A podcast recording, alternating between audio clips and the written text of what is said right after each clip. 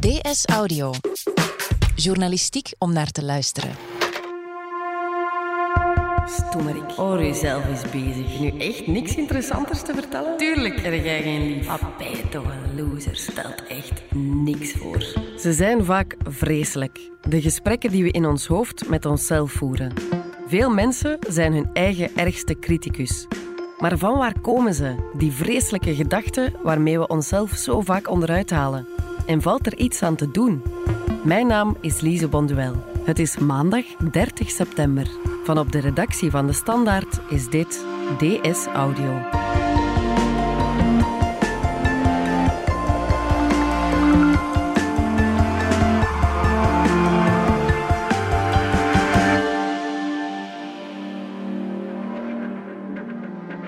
En ik heb altijd wel een stemmetje in mijn hoofd die zo... Ja, ik heb wel een inner stemmetje, maar Ah, zo'n beetje tegen mijzelf praat en zo zegt van... Mm, het je nu wel goed gehandeld? ja, het is meer een soort goede engel of een duivel. Een stem in je hoofd. Geen prettige, maar een vervelende, zeurende stem. Je probeert iets goed te doen en dan meestal lukt dat niet zo goed als dat je zou willen. En dan is dat stemmetje dikwijls... eh, is dat de job daarvan, voor dat toch eh, onder je aandacht houden of zo? Die stem is ook niet iemand anders dan mij. Dus als die stem kritisch is naar mij, dan is dat omdat ik niet tevreden ben met wat ik heb gedaan of wie ik ben. Dus eh, goh ja, de relatie met het innerlijke stemmetje is niet, eh, niet eenvoudig. Kaat Schouwbroek, journaliste bij De Standaard. Je hebt een artikel geschreven in De Standaard magazine Hoe tem je de innerlijke criticus? Hoor jij die soms ook? Ja, zeker wel. En eh, vaker dan ik zou willen eigenlijk. Ik heb het heel vaak dat ik hier aankom op het werk en dat ik eigenlijk geen idee heb hoe ik er eh, geraakt ben, omdat ik zodanig in gedachten eh, verzonken was. En vaak merk ik dan dat ik heel moe ben en als ik erover nadenk, dan weet ik dat ik de hele tijd naar die innerlijke criticus zit te luisteren heb. En die innerlijke criticus, wat vertelt hij dan? Wel, die brengt mij eh, aan het twijfelen hè, de, over dingen die ik gedaan heb voor het werk, maar ook over dingen die ik gezegd heb tegen andere mensen. Het overkomt mij bijvoorbeeld heel vaak na een feest eh, dat ik naar huis rijd en eh, eigenlijk de hele avond nog eens overloop. En dat blijft maar malen van, ja, wat heb je daar nu eigenlijk allemaal weer staan vertellen tegen mensen? Die stem is eigenlijk een soort monster onder het bed, maar dan voor volwassenen. En dat monster onder het bed, dat permitteert zich eigenlijk ook wel wat, hè? Ja, dat kan er zeer diep in hakken. En ik denk dat veel mensen dat ook herkennen. Eh, Die stem die voortdurend zegt van je kunt het niet, je hebt het nooit gekund, je zult het nooit kunnen. Straks heeft iedereen door dat je een mislukkeling bent. Het is alleen een kwestie van tijd voordat ze weten ja, dat ze zo rap mogelijk bij jou moeten wegrennen, omdat er toch niks met jou aan te vangen valt. Dat soort zaken die we overlopen, dat haalt ons enorm naar beneden. Eh, vaak zonder dat we het zelf beseffen. Tegelijk denk ik dat dat een stem is ehm, die we niet moeten negeren, omdat die ons wel iets vertelt over de dingen die we geleerd hebben, eh, de dingen waarvan dat we zelf vinden dat we ze moeten waarmaken, of waarvan iemand ons ooit verteld heeft dat we ze moeten waarmaken. Je hebt het over die stem in de derde persoon, maar zijn we die stem eigenlijk niet zelf? Praten we niet gewoon tegen onszelf? Of wie is die stem dan? Ja, dat vroeg ik me eigenlijk ook af. En ik ben daarover gaan praten met eh, Wilfried van Kraan. We zijn met velen in de bovenkamer.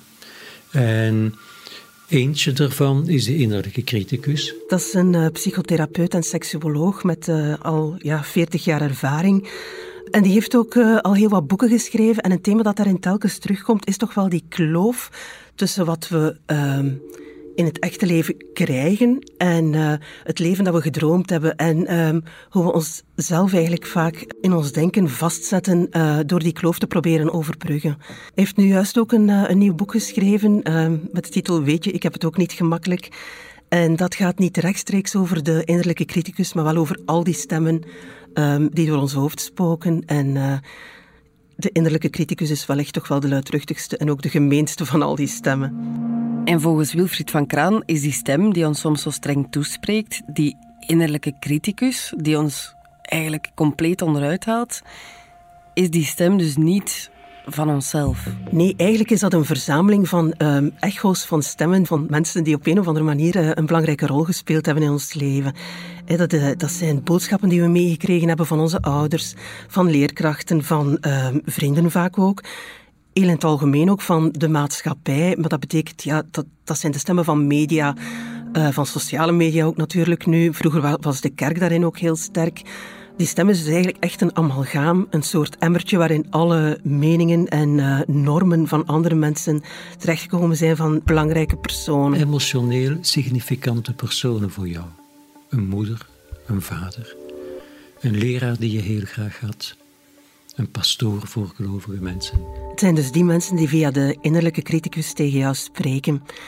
En Van Kraan zegt ook dat ze dat in het verleden ook al hebben gedaan, uitgesproken en herhaald. Altijd maar herhaald.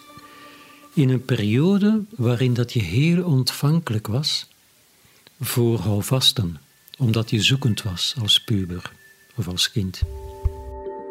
Dus onze innerlijke criticus, die echoot stemmen die voor ons belangrijk zijn geweest. Ja, en belangrijk om erbij te zeggen toch, dat die stemmen vaak met de beste bedoelingen tegen ons gesproken hebben.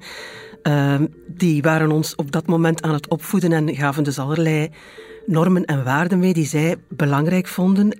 Dingen als altijd eerlijk zijn, doe eens normaal, val vooral niet te veel op, doe je best, zie dat je de eerste bent, zonder diploma ga je er niet komen, op je 25ste moet je van straat zijn, een slimme meid krijgt haar kind op tijd en wat ze ons ook allemaal verteld hebben. Heel vaak hebben we die dingen meegekregen van mensen die dachten dat ze ons daarmee zouden beschermen of helpen, of die ons ook in het leven een houvast zouden geven. En we hebben die zaken ook vaak als houvast aangegrepen. En die waarden en die normen en die raadgevingen, die waarschuwingen, die maken we ons dan eigen? Die, die interioriseren we? Ja, die nestelen zich heel diep in onze gedachten. Uh, zo diep ook dat we er ons vaak niet meer van bewust zijn en dat ze ook heel lang kunnen blijven hangen.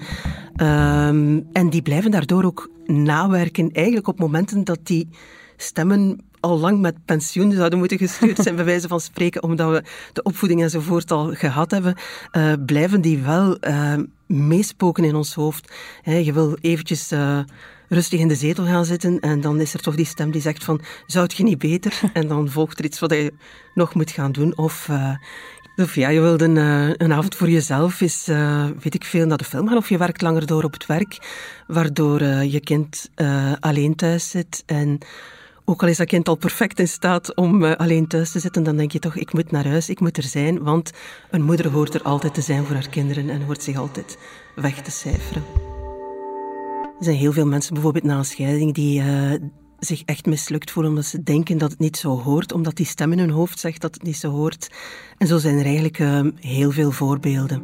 Je moet zorgen dat iedereen jou graag heeft. Het leven moet vlot lopen. Als je een scheiding meemaakt, dan heb je gefaald. Als je geen universitair diploma hebt, dan ben je niemand.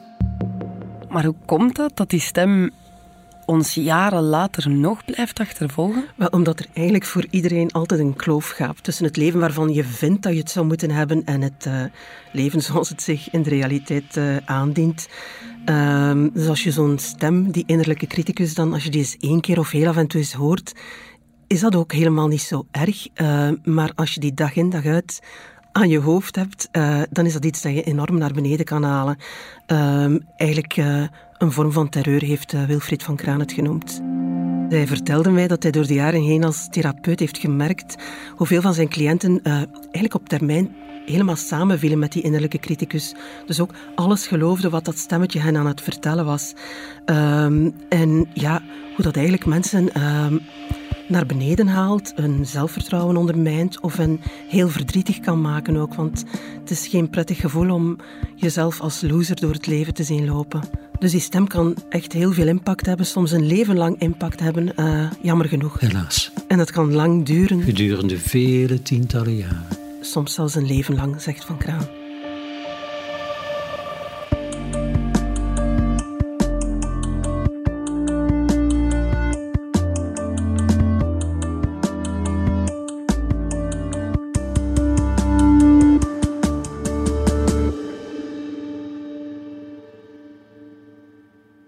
Zo'n innerlijke criticus, zo'n zo'n zeurende stem die je helemaal naar beneden praat, Heeft iedereen daar last van? Ik denk het toch wel, in minder of meerdere mate.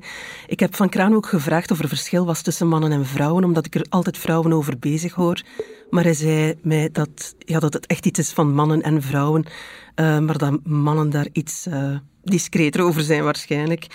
Um, het is wel zo dat die stem zich veel vaker laat horen als het niet zo lekker loopt in ons leven op momenten dat we niet zo goed in ons vel zitten, dat we onzeker zijn of ergens aan iets nieuws moeten beginnen, een nieuwe job. Uh, of op momenten dat we ja, in ons leven een grote crisis doormaken. Problemen met de kinderen, een echtscheiding, een andere breuk. Op die momenten uh, hebben we daar echt wel veel meer last van. En op die momenten kan die stem het dan ook nog eens erger maken dan het uh, in onze ervaring al is. Het is dus vooral op moeilijke momenten, maar niet alleen dan. Ja, nee, dus ik vertelde daarnet al, bij mij is vaak in de auto of uh, op de terugweg van een feest, op, waar helemaal niks dramatisch gebeurd is. Maar dan begint die stem te spelen en uh, Wilfried van, van Kraan heeft mij gezegd dat dat eigenlijk heel normaal is, omdat die stem zich uh, roert op momenten dat we met niks bijzonders bezig zijn. Uh, want helemaal aan niks denken, zegt hij, dat kunnen wij eigenlijk niet. In onze bovenkamer. Daar werken ze 24 uur op 24 uur in ploegen. Dus dat staat daar nooit stil. Dat is een fabrieksje dat altijd productief is. Dus als we niet bewust aan iets denken, als we onze gedachten de vrije loop laten, dan wordt er in onze hersenen een bepaald netwerk actief. En dat is het uh, default mode network.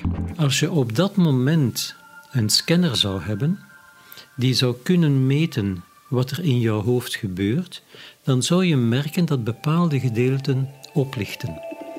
En die gedeelten zijn eigenlijk actief als een vorm van denken, maar een denken waar dat ons niet bewust van zijn. En dat onbewuste denken, dat gebeurt dus in het default mode network. Ja, dus het hersennetwerk dat uh, default uh, in mensentaal standaard dus actief is. En onderzoekers hebben ook vastgesteld dat als dat netwerk uh, actief wordt, dat er dan blijkbaar al snel hersenprocessen ontstaan die heel erg lijken op uh, piekeren, uh, die dus onder de scanner eruit zien als piekeren. En toen zijn ze dat verder gaan uitzoeken en bleek dat mensen vaak piekeren op momenten dat ze denken dat ze zich net um, aan het ontspannen zijn. Dus op die momenten waarop dat we eigenlijk denken dat we ontspannen, op die momenten krijgt de innerlijke criticus het woord. Ja, of neemt hij het woord natuurlijk. Want het is typisch, je hebt een zware dag gehad op het werk of waar dan ook. Uh, je denkt nu even niks aan mijn hoofd en dan plof je in de zetel voor de televisie. Uh, je denkt dat je diep aan het ontspannen bent, maar eigenlijk ben je uh, in je hoofd bezig met allerlei hersenspinsels. En met die kloof die er dan soms is tussen wat je had willen hebben in het leven en eh, wat het leven jou in realiteit gegeven heeft. Ja, dan kijk je naar buiten en zie je in de tuin uh, hoe het onkruid woekert. En uh, begint het gepieker, hè. begin je jezelf naar beneden te, te denken. En dat is dan een doordeweeks probleem of een doordeweekse avond. Maar als je echt in een crisis zit of ergens mee aan het worstelen bent, dan maakt die criticus het eigenlijk veel erger. En dan pieker je jezelf eigenlijk helemaal vast. Je komt in een soort van vicieuze cirkel. Je zat met een probleem en de manier waarop je dat probleem wil oplossen, maakt dat die olievlek zich uitbreidt. Dus op zulke momenten kan het zijn dat die gedachten het uh, van ons overnemen en dat ze onze problemen erger gaan maken. Um, en zegt Van Kraan, uh, mensen ervaren dat, dat als enorm bedreigend. Het lijkt alsof dat ze het steeds moeilijker krijgen. En er komen paniekmomenten. En op die manier krijg je die olievlek die alsmaar groter wordt. Ja, en, en als je dan niet oplet, komt dan nog eens die stem er bovenop die zegt van, zie jezelf eigenlijk eens bezig. Ja, en dat lost niets op natuurlijk. Integendeel, dat maakt het alleen maar erger. En je blijft toch alsmaar doordenken, denken en je blijft denken. Dat slorpt enorm veel energie op. Dat leidt tot spanningen in het organisme. Maar waarom doen we dat dan? Omdat wij in het Westen de gewoonte hebben van toch wel heel erg in ons hoofd te zitten en uh, te denken dat we met uh, denken alles kunnen oplossen. Uh, als we een probleem hebben, dan zeggen we, ik ga er eens over nadenken. Eh, omdat we denken... denken... Dat het het enige is wat je hoort te doen en wat je kan doen, dat is blijven denken. Want de oplossing moet komen via het denken in onze maatschappij, in onze westerse cultuur. En zo denken we ons dus helemaal vast.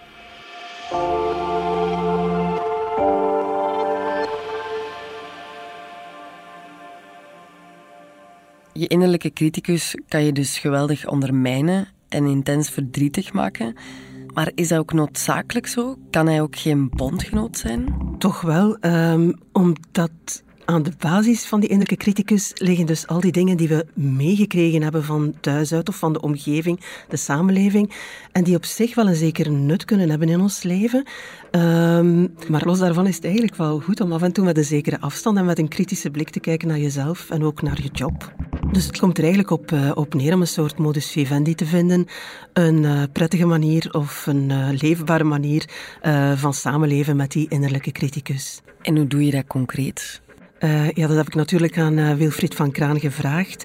En hij reikt een paar dingen aan uh, uit de cognitieve psychologie, maar zeker ook uit uh, mindfulness, omdat die mindfulness net een manier is om minder ehm, in je hoofd te zitten en meer en bewuster ehm, in het moment te leven. Het leven is nooit straks of daarnet, verleden week of volgende week. Het leven is altijd nu. Dus het leven is altijd nu. Maar dat is niet hoe de meeste mensen het beleven. Uh, de meeste mensen zijn in hun hoofd vaak bij... bij... Straks, morgen die vervelende vergadering. Volgend weekend um, dat uitje met die vrienden, maar alles moet nog geregeld worden. En de week daarop die moeilijke situatie op het werk. Is dat allemaal aan het anticiperen. Of men is dingen aan het herkouwen die gebeurd zijn in het recente of het minder recente verleden. En als je herkoudt of als je vooruitblikt, dan ben je aan het evalueren. En dan geef je de innerlijke criticus het woord. Ja, en Van Kraan pleit er niet voor om die dan te negeren. Hij zegt in tegendeel, erken hem en zeg zoiets als welkom, zet u, maar zeg er dan ook ineens bij, ik heb nu niet veel tijd voor u. En schenk er dan verder geen aandacht aan. Maar dus wel, welkom, zet u. Je moet het niet proberen af te blokken. Nee, dus je erkent dat hij er is en je gaat niet het gevecht aan, want dan win je eigenlijk toch niet. Mm -hmm. Want elke keer als jij tegen jezelf zegt, uh, ik kan het wel of ik ben geen loser, uh, dan zal die innerlijke criticus jou herinneren aan dat ene momentje waarop je toch mislukt bent. En dat is niet de bedoeling dat je dat, uh, dat soort gevechten aangaat. Dus we gaan niet in het gevecht met de innerlijke criticus. Niet van, oh, ik ben daar weer aan het denken. Dat is verschrikkelijk. Wat is dat toch met mij? Ik denk altijd zo nare dingen. En ik ga er maar niet van en ik blijf dat maar doen, dan zit je in het gevecht. Als je in het gevecht zit, dan verlies je. Wat hij wel nog aanraadt, is om te proberen om die innerlijke criticus um, te leren kennen, om eigenlijk erachter te komen wanneer die uh, het meest actief is. Um, dus we hebben het al gehad over die periodes waarin je daar extra kwetsbaar voor bent. Maar er zijn ook bepaalde situaties waarin die zich begint te roeren. Hè, autorijden bijvoorbeeld, maar ook uh, wandelingen, um, momenten voor de tv. Eigenlijk momenten waarop jij denkt dat je diep aan het ontspannen bent. Um, en het helpt dan, zegt Van Kraan om op die moment waarop je er extra gevoelig voor bent, om net dan je gedachten niet de vrije loop uh, te laten, maar ze een soort hobby of een bezigheid te geven, uh, een taak. Uh, bijvoorbeeld door aandachtig te zijn voor wat er uh, rondom jou gebeurt, of door afleiding te zoeken in iets anders. Mensen kunnen dan leren om tijdens die momenten, om dan bijvoorbeeld een podcast beluisteren. De deze bijvoorbeeld. Hè? En dat we door opgeslorpt te zijn door het luisteren naar die podcast, vermijden van te gaan onbewust rumineren. Onbewust malen. En wat als dat dan niet helpt? Wat als die innerlijke criticus zich gewoon niet laat wegdenken of wegpodcasten? Dus wat dan kan helpen is eigenlijk dat je er heel goed van bewust bent um, wie er op dat moment um, aan het praten is in jouw hoofd. Stel bijvoorbeeld dat ik bij mij thuis zit en het is erg rommelig um, en ik uh, krijg daar stress door, dan uh, moet ik mij er goed van bewust zijn dat dat misschien uh, de stem van mijn ma is, die daar aan het spreken is en aan het oordelen is over de rommel, en dat dat niet noodzakelijk iets is waar ik van wakker lig. En dat is dan wat Van Kraan eigenlijk de niet-ik-strategie noemt, van dit is niet wat ik wil, dit is iets wat ik vroeger heb meegekregen als norm, en dan kun je daar meer afstand van nemen. En als dat dan nog altijd niet helpt, dan is er ook nog de op-afspraakstrategie. Op afspraak?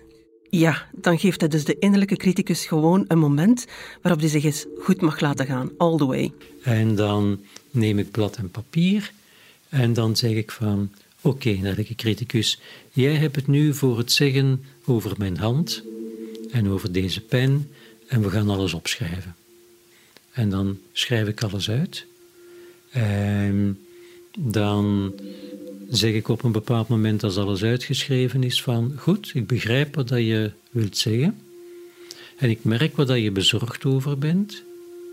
En dan kunnen we nu eens kijken wat we daar kunnen aan doen. Het lijkt bijna te simpel om waar te zijn. Ja, dat dacht ik ook. Maar Van Kraan zei tegen mij, probeer het gewoon eens. Je zal merken, als je dat vaak genoeg doet, uh, dat die innerlijke criticus eigenlijk een verschrikkelijke zeur is, die altijd in herhaling valt, die eenzelfde deuntje afspeelt in je hoofd.